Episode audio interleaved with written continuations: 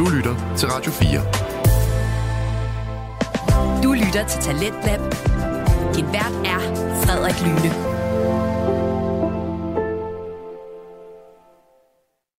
Velkommen tilbage til time 2 af Talent på Radio 4, programmet som præsenterer til de bedste og mest underholdende fritidspodcast.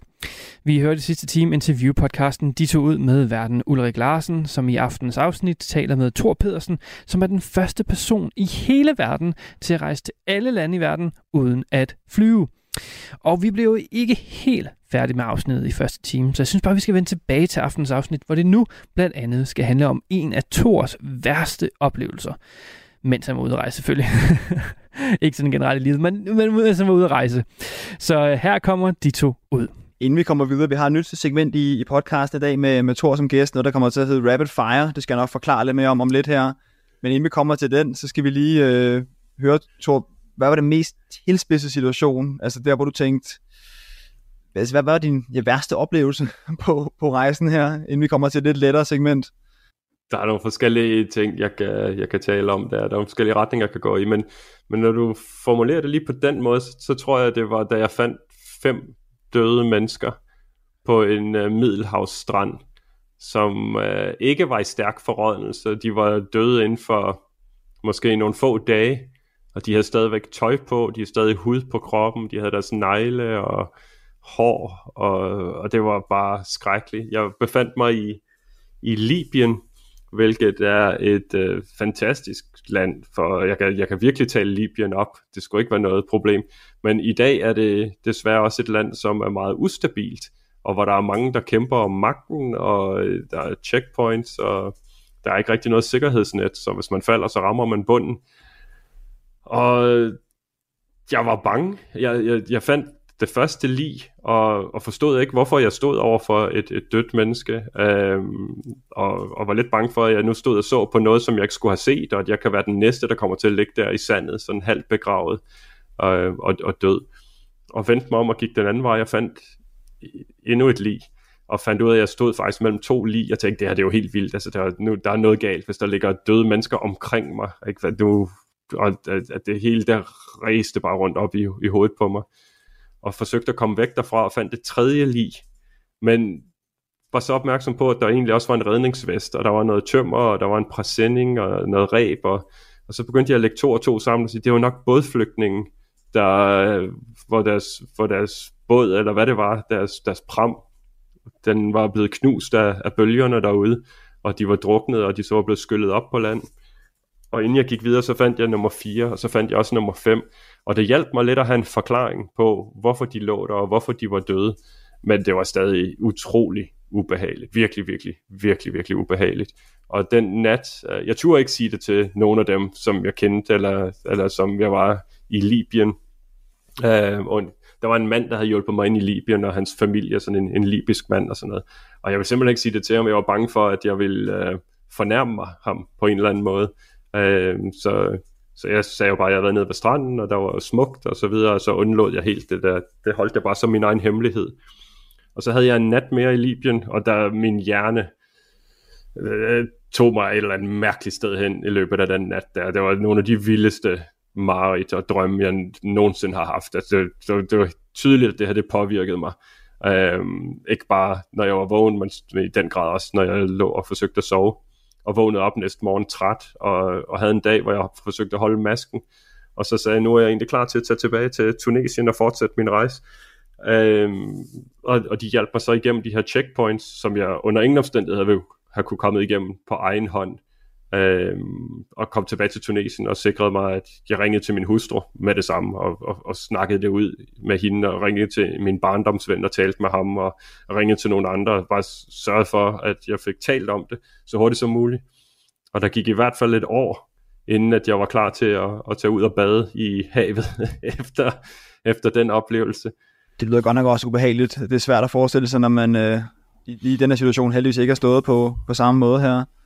Men, men du fik talt med nogen om det sådan relativt hurtigt efterfølgende? Ja, det gjorde jeg. Altså, ja, og nu er der jo så gået nogle år øh, siden da. Men der ja. skete så det, at øh, på min hjemrejse fra det sidste land, øh, og så tilbage til Danmark, der var jeg ombord på et skib i 33 dage, og vi sejlede hen over det indiske ocean og op igennem Suezkanalen og kom ind i Middelhavet.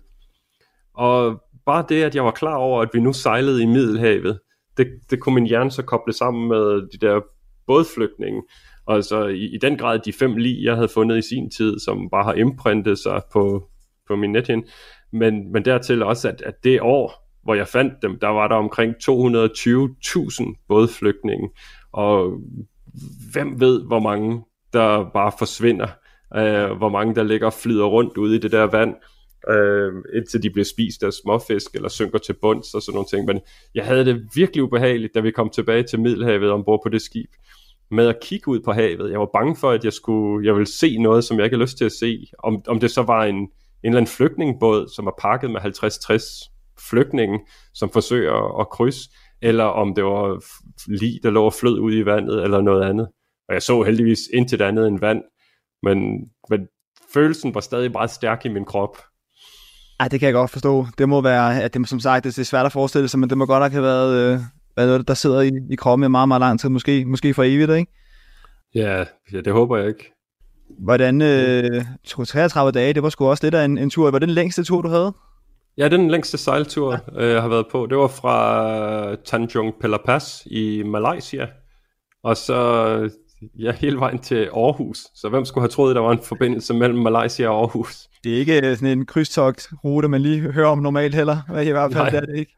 Nej, det var et containerskib. Det var et, et Mærsk-skib, der hed Milan Mærsk. Og de har været meget hjælpsomme undervejs, så det var rigtig fedt. Hvordan har du din egen kahyt der, så når du sejler på sådan en tur der? Jeg havde en kæmpe kahyt. Uh, så, så kahytter, de uh, kommer i forskellige størrelser, alt efter hvilken rang man har. Og så er det kaptajnen og maskinchefen, der har de, de to største kahytter øh, hvor de både har et, et kontor, og de har en stue, og de har et soveværelse og, og badtoilet. Så alle har som udgangspunkt øh, et, et, et værelse med bad, toilet og et vindue, man kan kigge ud af, og et skab og et skrivebord og en seng, og så er det mere eller mindre det. Men øh, ja, når man kommer lidt længere op i graderne, så får man noget større.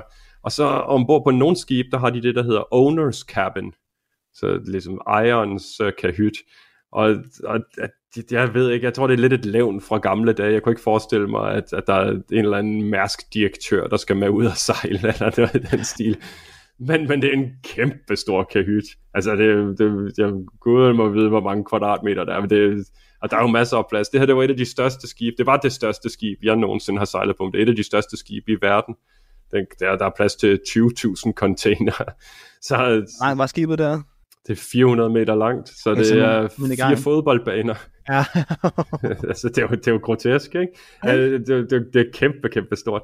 Så er der selvfølgelig også plads til nogle ordentlige kahytter. Altså, det, det fylder ikke ret meget ombord på skibet.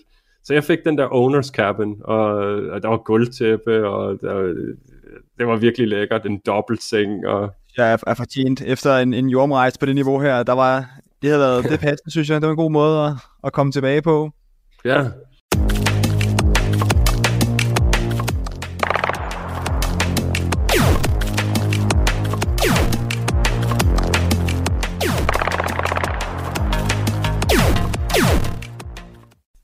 Så er vi kommet til vores øh, nye segment her i podcasten Det ud. Og det er jo det her, jeg valgte at kalde Rapid Fire. Fordi ideen er her, at, øh, at Thor, man kan sige, det ved I jo også som lytter, normalt så har vi vores quiz, hvor at, at gæsten der er med, ligesom skal finde ud af, om man er mest til det land, man bor i nu, eller om man er mest til, øh, til Danmark stadig. Og tit så er det lidt noget, noget 50-50. Men det er simpelthen for svært med Thor, der har været i, i 203 lande, at finde ud af, hvad du hælder mest til efter, efter 10 år på farten. Så vi har ja. det her fire, hvor jeg vil sige et, øh, et statement, eller en ting, som Thor skal forholde sig til. Hvis du er med på det, Thor, så skal du lige bare sige det land, der falder dig først ind. Ja, okay. Så det er ikke nødvendigvis noget, jeg skal kunne argumentere for 10 år fra nu. Det er bare det, jeg først tænker på. Jeg ved I noget af det efterfølgende, ikke? men det er egentlig bare det, der lige slår dig hurtigst. Og der er, der er 12 hurtige ting her, vi lige skal have din, uh, dit take på, så at sige. Jamen, det glæder jeg mig til. Lad os prøve det. Så vi kører lidt i øst og vest med bedste og værste oplevelser. Lad os starte, lad os starte her.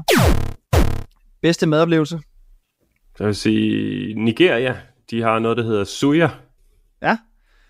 Værste madoplevelse? Nigeria. Jeg blev øh, serveret noget, øh, sådan noget gedehjerne, der var blevet most. Hold da kæft. Ja, det synes jeg egentlig er meget stærkt, at samme land kan tage, kan tage begge dele der. Ja. Det er meget fedt. Øhm, værste transportmiddel? Ja, så måske Kongo.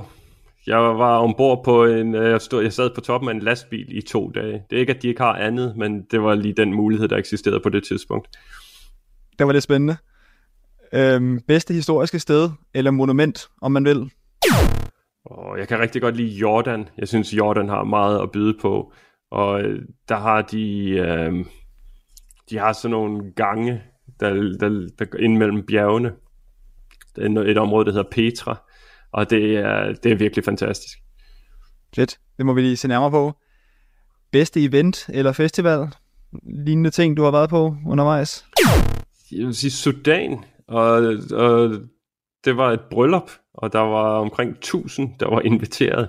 Og der var sådan nogle tv-kraner og fladskærmsfjernsyn på indersiden af det her kæmpe telt, og der var konstant 300, der, der var ude på dansegulvet og give den gas. Sådan. Det vil godt pakke sammen med vores 30-40 personers ja. gæstelister her i, i Danmark. Jeg tror lige, vi havde den faktisk, men jeg har skrevet længst til skibstur. Den, det må være den sidste, du havde her, ikke? Med... Ja, det var det. Det var 33 dage fra Malaysia til Aarhus ombord på Milan Mærsk. Sådan. Bedste udsigt? Åh. Oh. det er ra- rapid fire, at jeg sidder her og tænker. Ja, altså, jeg, har, jeg har set meget, ikke? Uh, det har nok været fra ombord på et containerskib, hvor jeg stod og kiggede ud over havet. Der var lige en bestemt rejse, hvor der var en regnbue, som sluttede lige foran skibet på en sådan uh, meget smuk dag. Så det så meget godt ud. Stærkt. Største sprogbarriere?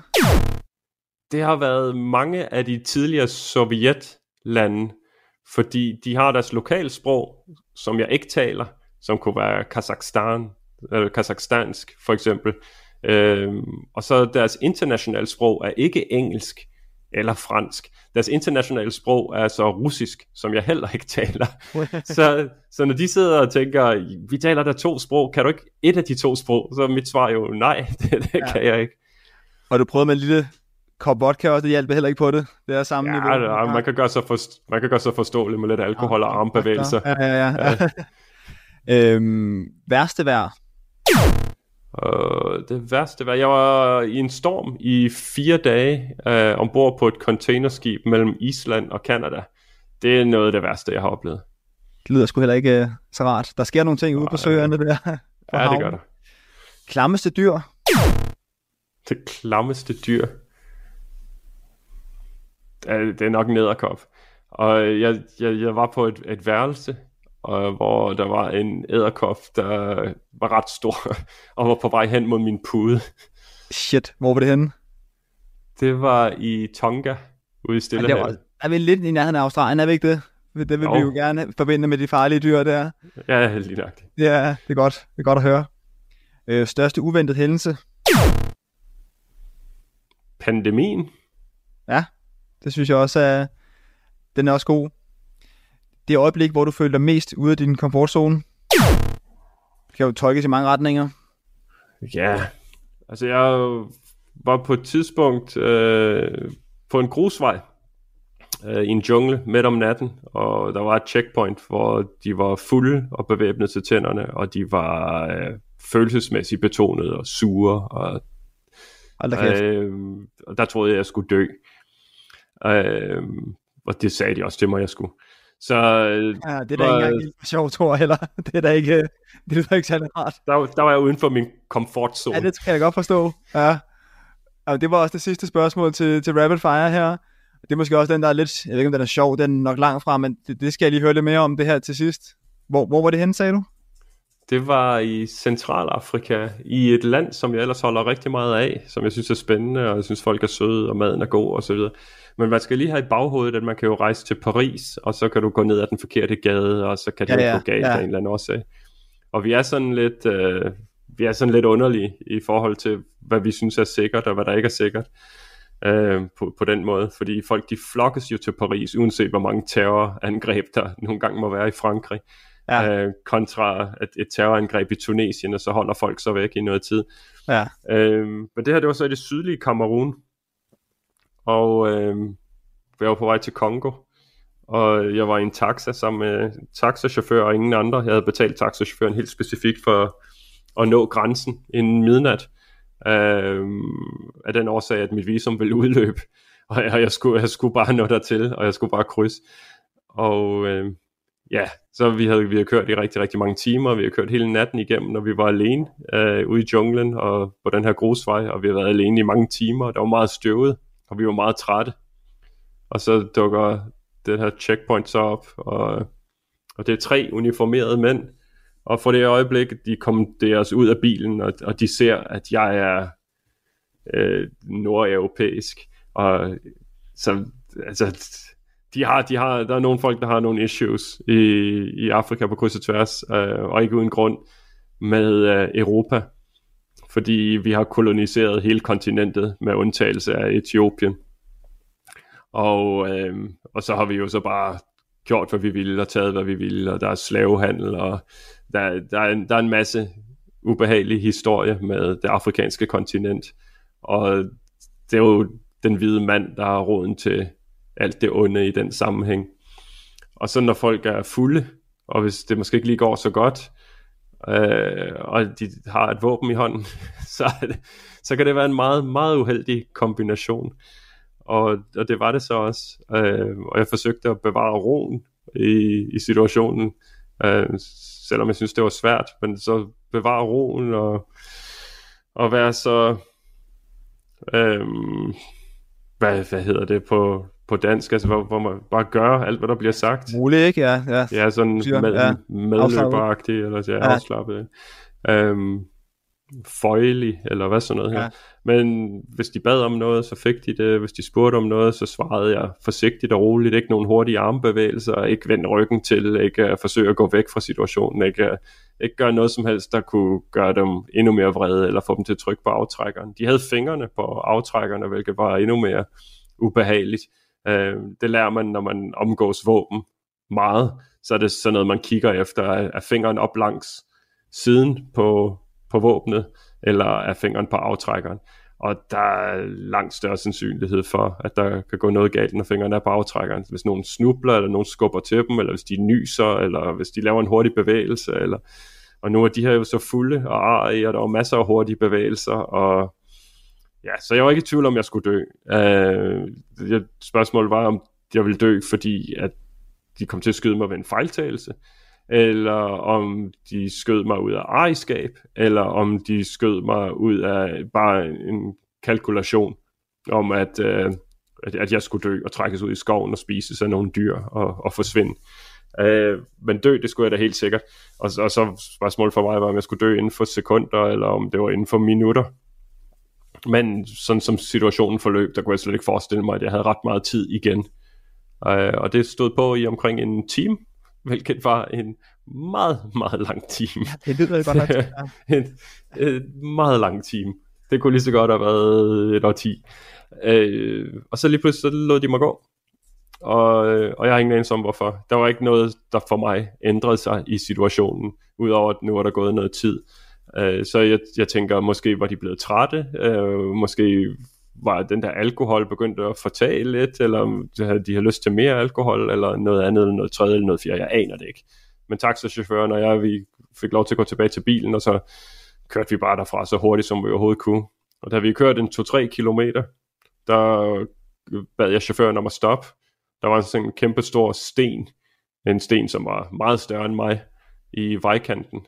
Og den gik jeg så om bagved, og bare lænede mig op, og der sad jeg så bare på huk og rystede, og havde det dårligt. Øhm, og jeg havde det så efter måske 10 minutter, der kom jeg tilbage til bilen og satte mig ind ved siden af chaufføren og sagde, okay, vi kører videre. Og øh, ja, så, så tror jeg, der gik 12 timer, så var jeg i, i en lignende situation. Øhm, og, og så gik der yderligere 24 timer, så var jeg i en bil, hvor alle faldt i søvn, inklusiv chaufføren og, og hvor vi kørte 80-90 km i timen ud af en grusvej i et område, hvor Hold da kæft. der ikke er nogen airbag, og der ikke er nogen sikkerhedsseler, der ikke er nogen ambulancer eller noget som helst. Så det var, det var nogle hårde dage øh, lige på det, det er lige før de, de tre værste oplevelser, du har, udspiller sig inden for, for de samme tre døgn nærmest. I hvert fald tre dramatiske oplevelser, nok ikke de tre værste, men øh, ja, den der med, øh, med de tre bevæbnede, meget fulde vagter, det hører til under nok den, den værste oplevelse. Hold da kæft, ja, det kan jeg godt forstå. Det var, øh, det var lidt som en skarp, skarp situation. Det er lige før, vi er, er ved at være igennem her, Thor, men jeg vil lige høre sådan, til, til afrunding her, hvad, hvad skal der ske nu? Bliver du i, i Danmark? Kan du, kan du finde ud af det, skulle jeg til at sige? Eller skal du videre? Ja, Uh, ja, Danmark er base fra nu af. Uh, det er udgangspunktet. Uh, jeg bor sammen med min hustru, og hun har hendes arbejde i, i Københavnsregionen. Og øh, jeg er glad for at have en base, et, et sted, jeg kan kalde for mit hjem, og hvor jeg ikke skal leve ud af en taske. Øh, noget, jeg kan komme tilbage til. Men som udgangspunkt skal jeg da ud og rejse med jævn mellemrum. Øh, vi tager faktisk til London i dag. Øh, jeg er blevet inviteret ind på et morgenshow, øh, hvor alt er betalt og, og håndteret. Jeg får lov til at føle mig rigtig VIP. Og så kommer vi så tilbage til Danmark igen. Øh, vi skal, jeg skal se familie, jeg skal se venner, jeg skal erklære, hvad hedder sådan noget, klimatisere øh, til, til at være tilbage i Danmark. Jeg skal lære at tale dansk ordentligt. Jeg kan godt mærke, at jeg mangler nogle ord en gang imellem. Jeg har ikke talt så meget dansk Ej, det var rigtig godt. Ja, jeg skulle tænke på, at du jeg, jeg snakker nogle gange med folk, der ikke har boet i Danmark i 30 år. Der er lidt mere ord, de okay. leder efter, end, uh, end for dit vedkommende her. Men, uh... men altså, det, det, retningen fremad, det er noget med foredrag og opbygge foredragsvirksomhed. Jeg skal på turné i Danmark øh, gennem forskellige danske byer i starten af næste år, 2024 og så har, øh, har talt med forskellige forlag og har fundet en medforfatter, og vi går i gang med at skrive en bog, som vi regner med at få på markedet i 2024, som skildrer nogle af alle de her historier og det her eventyr. Og så har vi arbejdet på en dokumentar i mere end fire år nu, og den dokumentar har vi klar næste år, også 2024. Så 2024 bliver et spændende år. Det glæder vi os til i hvert fald.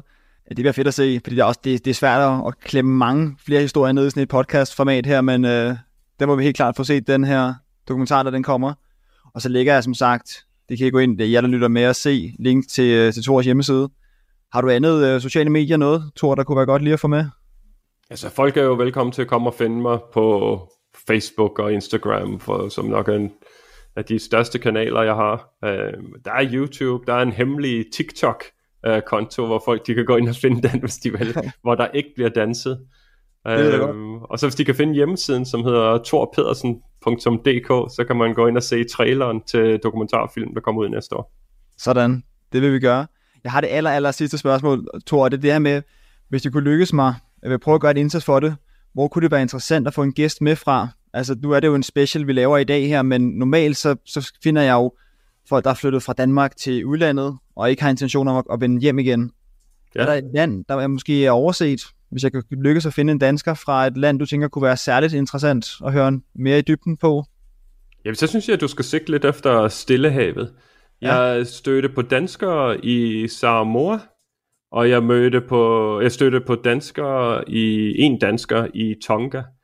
Og, ja. Øh, og, og, og Danmark har ikke ret meget med Stillehavet at gøre. Det er ikke noget, vi rigtig lærer om, når man går i skole. Det er ikke noget, vores film og serier og sådan noget fortæller ikke rigtig noget om Stillehavet. Og sådan noget. Så det kunne være sjovt at tale med, med en af dem, og så måske dine lyttere kunne lære lidt mere om, hvordan livet er derude på den side af verden. Det vil jeg prøve, du må sende nogle kontakter videre, hvis du har lidt på dem. Det er ikke nogen ja, jeg, jeg må se, om jeg kan finde noget til dig. Det kunne være stærkt.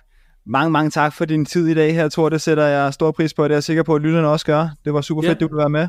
Det var min fornøjelse. Tusind tak.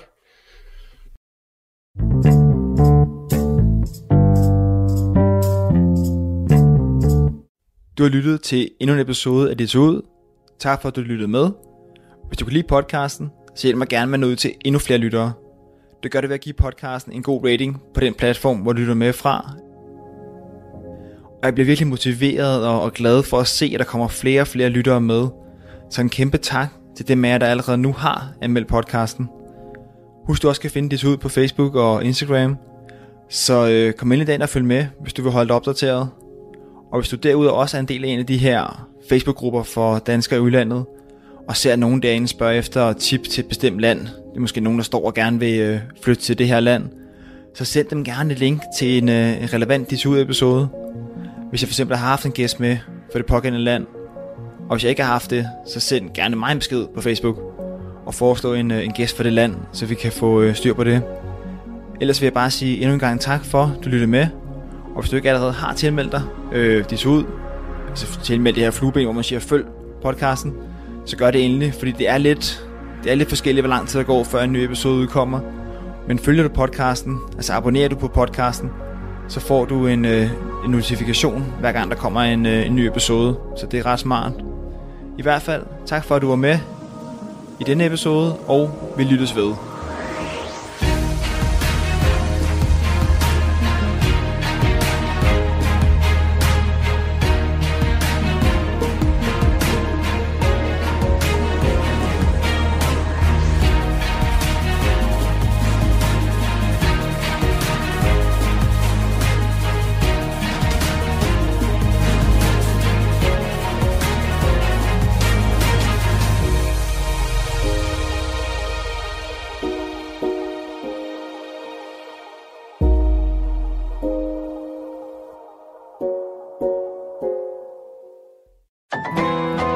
Til Radio 4.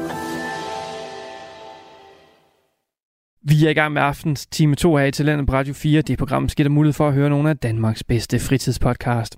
Vi har lige hørt afslutningen på interviewpodcasten. De tog ud med Ulrik Larsen, som i aftens afsnit talte med Thor Pedersen, som er den første person nogensinde til at rejse til alle verdens lande uden at flyve. Og øh, jeg sagde det også øh, i sidste øh, afrunding, øh, i sidste time. Øh, jeg synes, det er vildt inspirerende. Jeg synes godt nok, det er en sindssyg historie. Øh, det kræver øh, en sindssyg øh, discipl- altså disciplin og dedikation til at gennemføre det her. Jeg synes, det er dybt, dybt inspirerende, og jeg, jeg glæder mig meget til at følge Thors øh, rejse her med både den her øh, dokumentar og bog, som snart kommer. Det, det er helt klart noget, jeg lige vil, vil holde øje med. Nå, vi iler videre, da vi nu skal til et andet afsnit fra en fritidspodcast, og det er fritidspodcasten Gråzonen med værterne Ahmed Omar og Hassan Haji. Og Gråzonen, det er jo en samtale-podcast, hvor de to værter, enten på egen hånd eller med gæster, de taler om emner, som befinder sig i den såkaldte gråzone. Og i aften, der skal det handle om det at være en såkaldt people pleaser, eller modsat det at være en egoist. Så jeg skal bare øh, komme i gang med det og høre, hvor, hvor de to værter de egentlig placerer sig selv henne i, øh, mellem de her to ting. Her kommer gråzonen.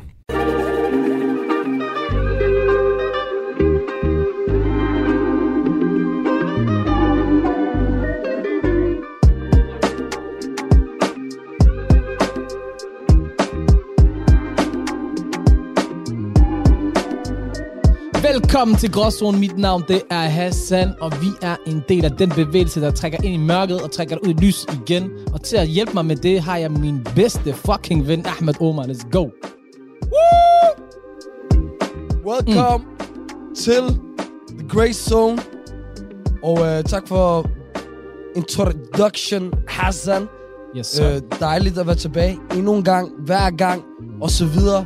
Du ved, det kan være, der sker alt muligt i livet, men at det her er konstanten in our life, og forhåbentlig i vores lytters liv også, yes, sir. det gør mig glad. It, it makes me happy. Vi er lidt som en, sådan en, en stabil partner, du ved ikke også, ikke? Sådan en, et, et ægte par fra 1965, du ved ikke? We stay together, okay? For 60 fucking years. No matter what, så er vi sammen resten af livet. Præcis. Og i, øh, i dag så skal vi snakke om øh, to bestemte typer af, af mennesker. Men Mhm. øh, before that, Before that. så lad os, øh, som jeg lidt plejer at gøre her på Gråzonen, snakke om lidt, øh, hvad, hvad der sker omkring os, Mm-hmm. Hassan.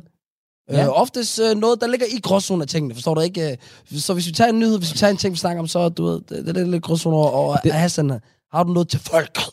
Jamen, det har jeg for det første, bror, man. All is good in the hood. Det er nummer et. Men, øh, men nej, jeg vil lige fortælle en sjov historie, inden jeg faldt igennem, bror, man. Fordi det her, det er faktisk svært at tro på. Øhm, I Schweiz, der, øh, der er der åbenbart en mand, han har sådan en cannabisfarm, hvor han gror, øh, du ved, medicinsk cannabis. Okay. Nogle, nogle steder, så er det begyndt at blive lovligt jo. Ja. Men så havde han lige en, øh, en invasion af nogle, øh, nogle får, der invaderede og kom ind og spiste 100 kilo okay. Af hans øh, groede cannabis. Bror, det her, Hvad? Siger du til mig? Bror, man invaderede, du ved, ligesom fucking Normandiet, okay, blev invaderet amerikanerne i 1944. Direkte fucking ind, spis alt. alt. Okay, så, Der er ikke været tilbage. så Shabab al gik fuldstændig Rastafarian på den. Wallah, de gik fra bæ til bæ Forstår du?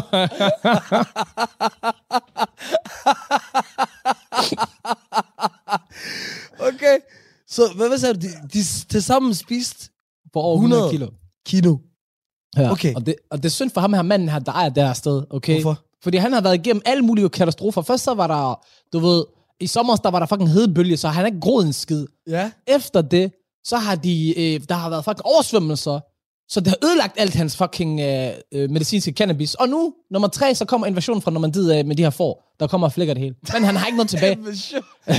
Invasion for Normandiet. Jeg flækker ikke. Det, det lyder vanvittigt griner alt det her. Øhm, okay. They, I need to know, and the people need to know Hassan. Ja. Det er, hvad, hvad skete der så med forne? Nu har du fortalt os, hvad der skete med øh, Hans, der havde en gård. Hvad, hvad, hvad, hvad skete der med de skæve får?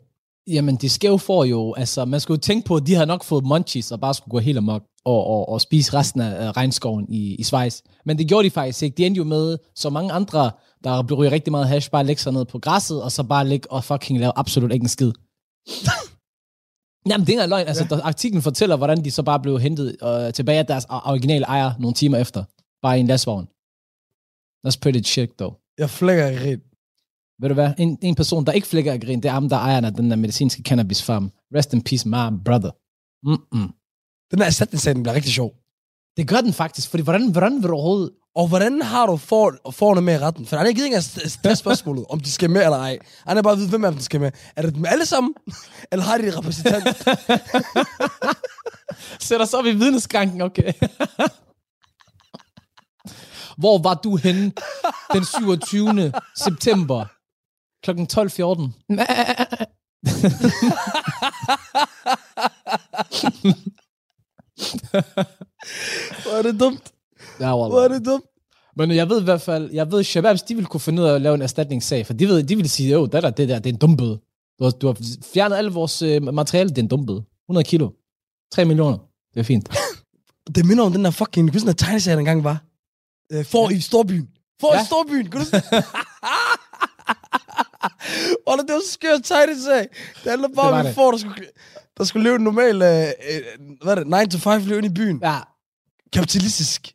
Havde det. Faktisk, der var mange budskaber den her sag, det var der. som jeg det der. som barn.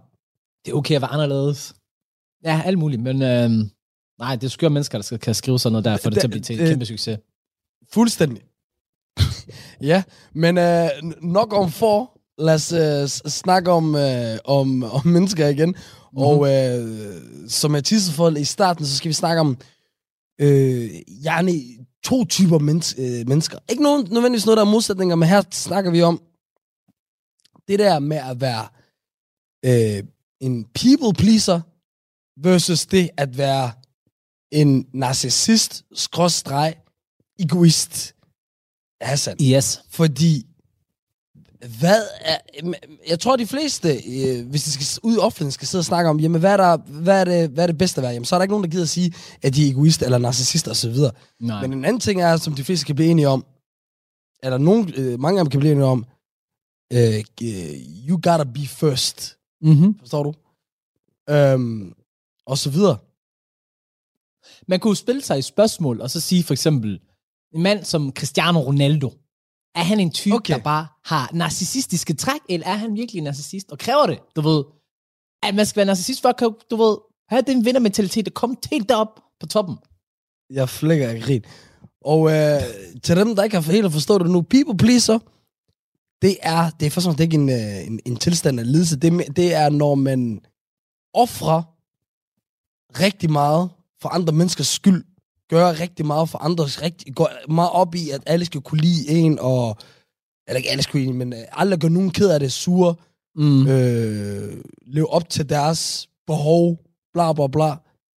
Øhm, Det lyder jo faktisk som en, en helt sprit, eller spritny universitetsstuderende på første dag, du ved. Kunne aldrig finde på at gøre nogen fortræd.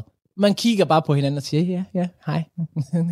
ja, ja. men, Men øh, men præcis, jeg får ja. lige at dykke ned i det, fordi der er jo et hovedspørgsmål ind i det her nemlig, som vi egentlig prøver på at lægge op, på, eller lægge op til folk, det er nemlig, kan man godt have succes, øh, hvis man ikke har narcissistiske træk? Altså hvis man simpelthen er bare en, en, en, en people pleaser, som ordet det nu hedder, kan man godt få succes i, i hvad skal man sige, sin fremtid? Ja. Ja. lad os starte med Hassan. Ja. Hvor vil du ligge dig henne i det her, øh, som man vil kalde spektrum. Ja. Spektrum, det er jo øh, mellem det ene og det andet. Altså, jeg er typen, du ved ikke også, ikke? Er du, er du, er du i midten, som det, man plejer jo normalt at sige, at beskrivelse af en gråzone, det er jo det, der er i midten af spektrum, som oftest kan være to modsætninger, glad, sur, ondt, godt. Ja, jeg, jeg er nok måske lidt mere til venstre, hel, hel, hel, eller heller hen mod øh, people pleaser. Han, Jeg kan godt lide, du, allerede, du har valgt, du har givet den en side allerede. Ja, ja, men jeg føler Venstre. også, som det er noget helt politisk, når det her det er venstre. Jeg flækker af geri. Okay. Ja, Ja. people pleaser. Jeg er lidt, lidt derhen af, mod midten, men lidt derhen af. Fordi jeg føler lidt, jeg har den der, du ved, karma, du ved, øh, gør gode ting for andre folk, så skal du nok få, få det tilbage igen. Altså, det skal nok hjælpe dig i sidste ende. Men gør du det, før du tænker på dig selv? Nej, men jeg tror da helt klart, at, øh, at de, det udelukker ikke hinanden. Forstår du, hvad jeg mener? Jeg kan godt tænke på mig Ja. selv, og sa- samtidig også tænke på andre. Øhm, lad os for eksempel sige, vi har en, øh, en, en, en fodboldkamp, og vi har en, øh, en angriber, han har scoret tre mål. Men så handler, det, på, så handler det om, hvordan er det, man kigger på det, du ved, når du så står efter kampen og bliver spurgt af rapporterne, Nå, jamen, hvordan var kampen, og hvordan spillede jeg, og så videre, og du scorede tre mål. I stedet for at fokusere på, åh, jeg scorede tre mål, og vi har bare bum, bum, bum, så i stedet for at tænke mere på holdet der, og være lidt mere en people pleaser, og sørge for sit hold, okay, ved du hvad med forsvaren, det var fem, de har nogle fremragende afleveringerne. Ang, øh, midtbanen gjorde det nemt for mig at få succes i dag. Det handler om, hvordan du vælger at tage, hvad skal man sige, perspektiv på det, og arbejde ud fra det. Så hvis du vælger at fokusere på dig selv, og snakke om dine mål, og skulle være superstjernen, jamen ved du hvad, så har du bare valgt at måske gå lidt mere narcissistiske vej, eller narcissistiske trækvej, og det kan jeg bare bide dig i røven i længden. Fordi så kan det være om fem år, jamen dine holdkammerater gider ikke at gå så langt for dig. Så gider de ikke at hjælpe dig til succes. Forstår du, hvad jeg mener? Så jeg, jeg kigger på den anden side. Ja. Lidt mere venstreorienteret. I, for, I forhold til det der med nar- narcissistisk egoistisk, hvis, hvis man Mm. stadig til narcissist, er jo, det er jo faktisk en selvledelse, ligesom at være en øh, psy- psykopat, hvor man kun tænker på sig selv, tænker på sit eget bedste og så videre.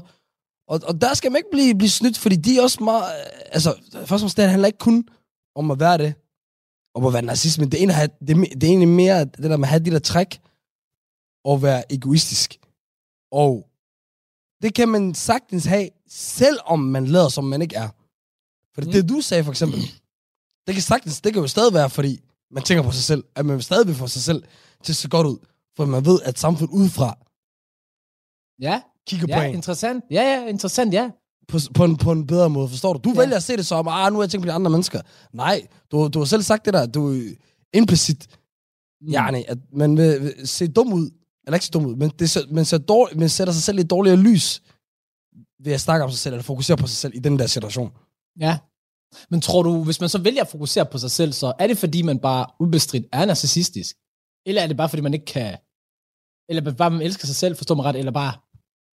Ja, er så fucking stolt af sine tre mål. Altså, jeg kan godt forstå Nej, det. men, men, men, men man skal også man skal også tænke på sig selv nogle gange, og så, hvor det ikke handler om at være egoist.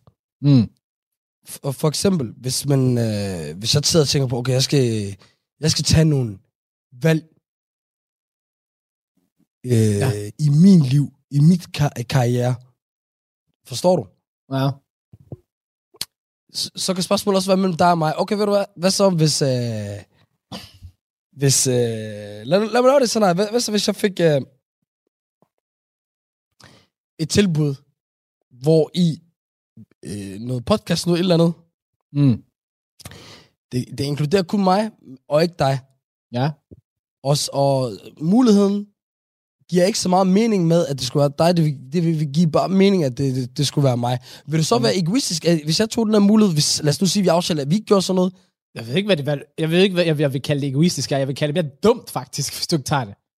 Øhm, men, men, men ja, det vil jo, altså for at for følge med på dit eksempel, jo, så vil det da være, ikke være, det vil ikke være egoistisk, vil jeg sige. Derhen, der har vi jo bare en valg, der hedder, det giver ikke mening for os, men det giver mening for mig men hvis du, hvis du har haft en situation, hvor at det havde givet mening, og jeg også har været med, og du har muligheden for at få 30.000 i stedet for, eller 50.000, i stedet for at skulle dele det med to, i to med mig, og så du selv vælger at tage det hele, er det egoistisk? Ja, men er det forkert?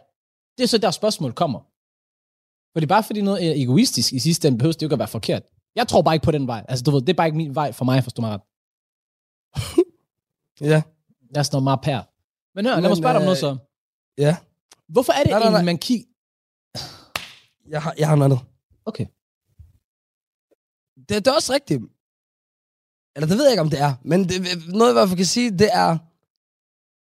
Det kan også være farligt at være people pleaser.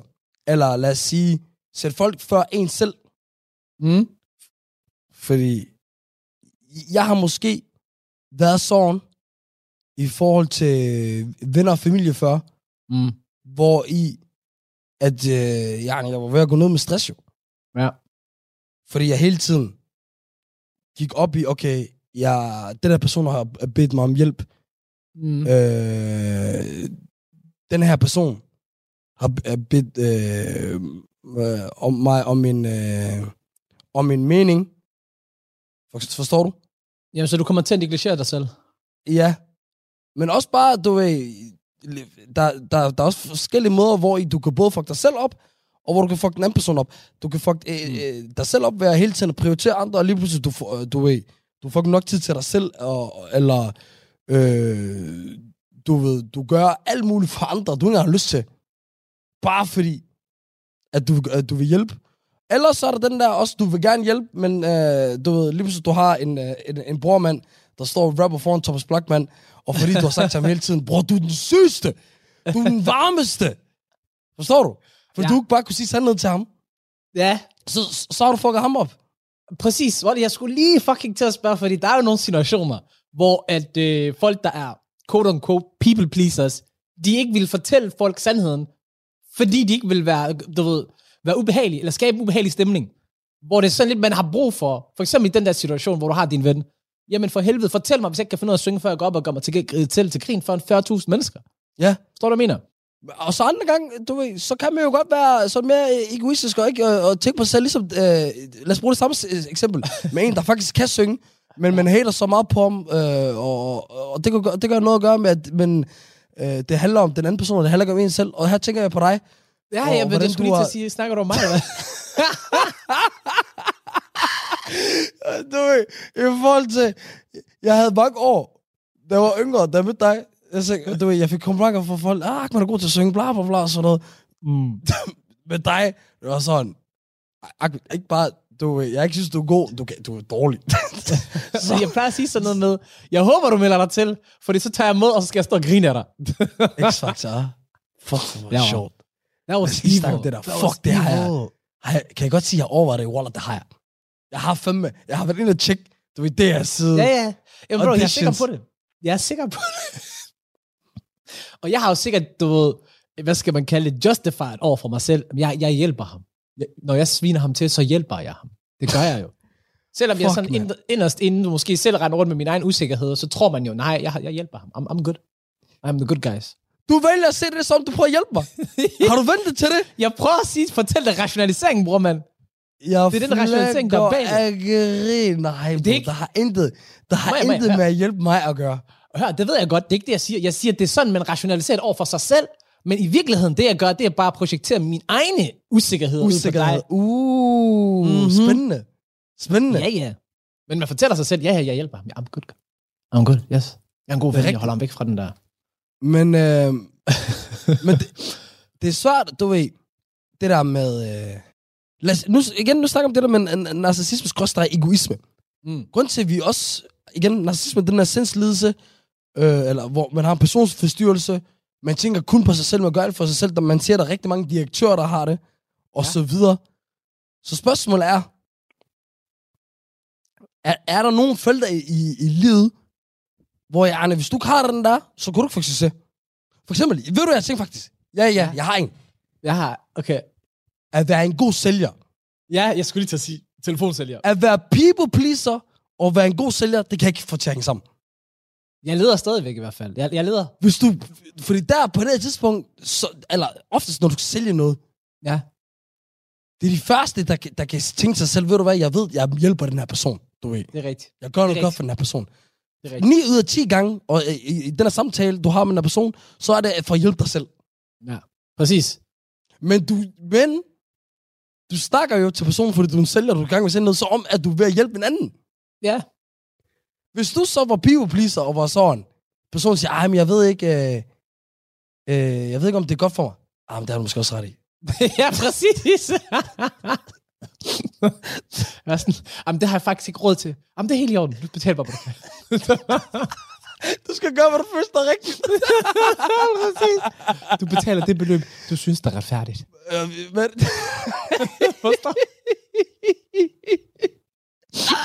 Ja, jeg, fuck, man. jeg kan godt Derfor se, det, et det er et eksempel. eksempel. Generelt sådan noget i businessverden. Ja. Jamen, det, det tror jeg nemlig også. Eller er jeg langt fra, eller? Men er det så derfor, at der er det her udtryk, øh, nice guy as finish last? Altså, det hører man i hvert fald tit med, med kvinder. Mm. Ja, at det er sådan, nice guys always finish last. For det er jo, det er jo et udtryk, som, øh, som, som lyder rigtig godt, ikke også, ikke? Som bliver brugt for eksempel øh, for at illustrere, at øh, ja, hvis man er for sød, jamen, så har man ikke nogen, så kan man ikke vinde, så vinder man ikke kærligheden, eller så vinder man ikke, du ved, sit job. Dame og eller sådan noget der. Bare, ja, lige præcis, lige præcis. Er nogen om snakken? Jamen, jeg jeg kan huske, da jeg voksede op, Mm. Så gik jeg meget op i, også det, det du nævnte, det der med, med karma. Mm. Men okay, hør. Hvis man er god, så får man god. Ja. Men så fik jeg følte altid tit, du ved, du ved, hvis jeg gør noget godt for en, så er det ikke sikkert, at man fik det samme tilbage. Du ved, jeg havde også en ting med, du ved, empati. At, at, at føle medfølelse med folk. Det er jo faktisk, øh, øh, du ved, øh, fun fact, noget jo, narcissister ikke har. Empati. Ja. Og det er jo sådan noget, øh, ikke fordi jeg siger, at folk omkring mig er narcissister, eller mangel på empati, men, men, men, men, jeg, men jeg, øh, lad mig sige sådan, at life hit me hard dengang, når jeg forventede mm. den samme form for empati Ja. tilbage. Oh. Det giver også god mening, fordi der siger jo, du er ung, du føler, at jeg har givet så meget. Ligesom den der Nick J-sang, du ved, jeg har fået til hende selv, da hun var... Ja, altså du ved, om, om det om der ligger sandhed i det, det, det tror jeg faktisk 100% der gør, i forhold til mm. kvinder. Ja. Alle, alle dem, ved du hvad, jeg siger noget direkte nu, og så, Waller, så må vi komme og slås med mig, hvis I vil damer. de fleste damer, Mm-hmm. når de er unge, så vil de, så vil de gerne have en bad boy. Og hvis de ikke vil have det bevidst, så er de tiltrukket til det. Hvorimod ham den søde, han bliver friendzonet. Ja. Forstår du? Men mindre... Eller så bliver han ham der typen, og shabab, sjovt, lad gøre det der. Ham der, der venner med hende i 5-6 år, bedste veninder, bla bla bla, og sådan noget der.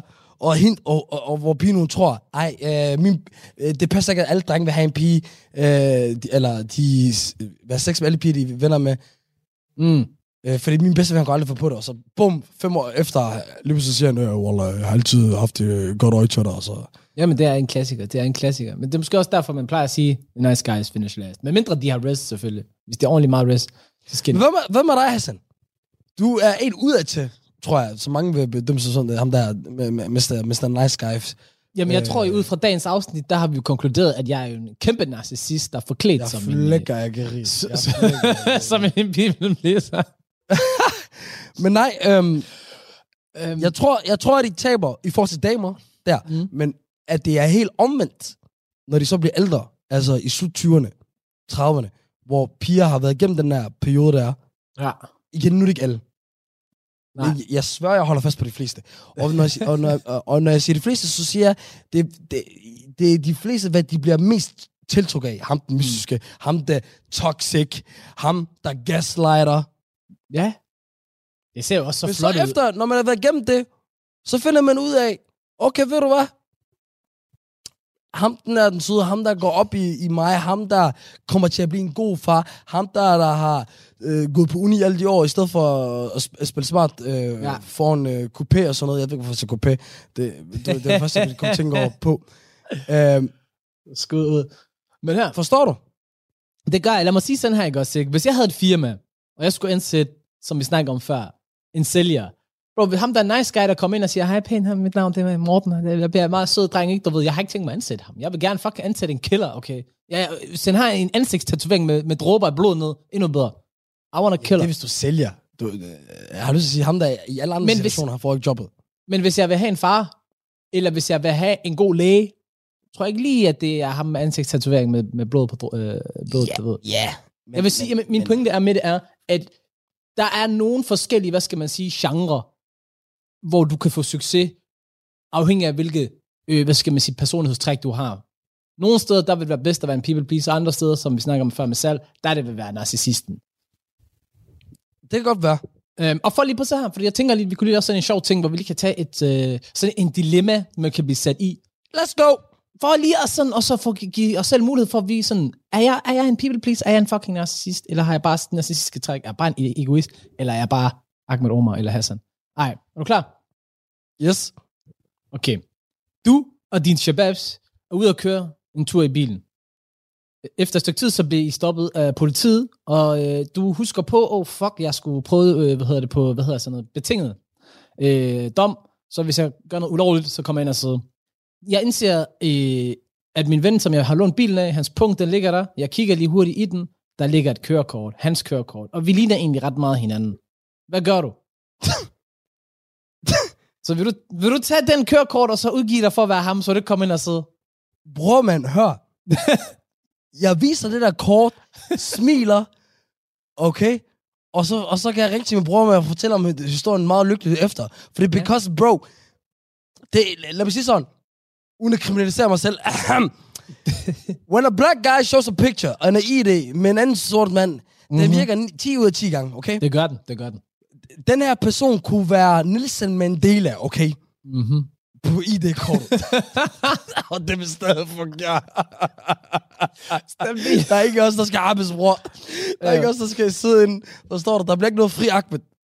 Ikke noget der. Okay, lad mig spørge sådan her. Lad os sige sådan her. Lad os sige, at du ved, politiet de stopper jer, fordi jeg har gjort noget ulovligt. Yani, det vil så sige, når du udgiver dig for at være din shabab, så kommer han til at få en bøde eller et eller andet plet for det. Vil du stadig gøre det? Så, men hør, det har jo intet med narcissist eller people pleaser at gøre. Jeg mener, men det, er ikke- det har det da fuldstændig med at gøre. Hvis du tænker kun på dig selv, så gør du det. Nej, men lad os vente om. Hvis du tænker på dig selv, så vil du ikke fuck dig selv op i den der situation med din ven. Nej. Og så han vil jo nok sige det til andre også. Det er så fucked up. Ja. Og så ser du lige så fucked up ud over for andre. Men, men du kommer ikke til at komme ind og sidde. Altså, det er måske lidt federe ikke at komme ind og sidde. En narcissist, han vil jo ikke... Øh, en egoist vil, vil måske. Mm. Så vi adskiller dem lidt der. Ja. Fordi jeg vil lige sige, du ved... Hør, nej, nej, den er, den er, den er, den er simpel, den tager. Men den anden, Øh? det, hvad, mener du? Uden at blinke. Nej, Niels, øh, bro, ID-kortet med Nelson Mandela, om der stod, hvis det var Nelson, jeg vil kæmpe, mm. tænke og se, hvad sker der her? Og så vil jeg vise kortet alligevel. Okay, okay. Fair nok, fair nok. Men jeg vil sige, du ved, I'm not going to jail. Jeg vil bare sige, så I'm not going to jail. Okay? I'm not Så, going to så jail. du sælger din ven. Du ligger den på. Jo, jeg skal ikke i fængsel, bror. Jeg skal ikke... Jeg skal... flækker af. Og det ved det værste er, Wallah, jeg er lidt bange for, du mener det. Jeg kender dig. Bror, men han skal ikke efterlade sin punkt derinde, så det er hans egen Jeg skyld. Jeg skal ikke ind og sidde for dig. flækker af grin. Også bare fordi, fuck mig, du mener det der. Bror, mig, mig i fængsel, come on now. You know it, you know it. Kom ud derfra, bror, mand. Du tænker, åh, oh, bror, Wallah, du klarer det bedre mig. Du, du, du, Ja, du bliver ja, hver ja. uge og siger, hør, jeg har elsket. det er Kig det. nu på mig. Jeg har ikke holdt det ud. Det er det. Bror, det er det, bror. Jeg betaler bøden alt det der, men jeg skal ikke ind og sidde, bror. Jeg skal ikke ind og sidde. Fuck. Ved du hvad? Det, det synes jeg er et godt sted at, at, at, at kalde den i dag. Mm. Og øh, til alle jer derude, øh, tusind tak for, at I lytter til det her og supporter det. Thank you. Og øh, tusind tak for, at I øh, stadig lytter med, selvom øh, mig og Hassan siger nogle øh, crazy ting og, og så videre. Og hvis I vil blive ved med at vide, opdateret alt muligt, så følg os på de sociale medier, Gråzone, Instagram, TikTok, Facebook, alle de der ting. Mm-hmm. Giv os et like på, der I lytter til os, eller ser os, Yes. øh, og så videre. Anbefal et eller andet. Gør det. Thank you very much. Og der er andet at sige en Gråzone. Over and out. Du lytter til Talentlab på Radio 4. Du lytter til Talent på Radio 4, og vi er ved at være ved enden på aftens program. Vi har lige netop hørt afslutningen på fritidspodcasten Gråzonen med Ahmed Omar og Hassan Haji, som talte om fordele og ulemper ved at være, ja, for eksempel en, en people pleaser, og så modsat det at være en egoist. Og udover Gråzonen, så hørte vi også fra en øh, anden øh, podcast. Det var nemlig interviewpodcasten De tog ud med verden Ulrik Larsen, som talte i aftens afsnit med øh, Thor Pedersen, som er den første person i hele verden til at rejse til alle lande øh, uden at flyve. Og det, altså, det synes jeg, det, det er så vanvittigt. Altså, vi taler udelukkende sådan skib, både øh, køre øh, tog. Det, det, jeg synes, det er så fuldstændig sindssygt. Øhm, jeg kan ikke forestille mig den der rejse, man skal over, over Atlanterhavet fra, øh, fra Europa til USA. Jeg synes, det, øh, ja, det er ret vildt at tænke på. Øh, det, ja, det, det tager jeg sgu hatten af for. Nå, du kan finde flere afsnit fra begge fritidspodcast inde på din foretrukne podcasttjeneste, og alle Radio 4's programmer kan du finde ind på vores hjemmeside og i vores app. Nu er det tid til nattevagten her på kanalen. Mit navn det er Frederik Lyne. Tak for denne gang. Vi høres ved. Du har lyttet til en podcast fra Radio 4. Find flere episoder i vores app, eller der, hvor du lytter til podcast.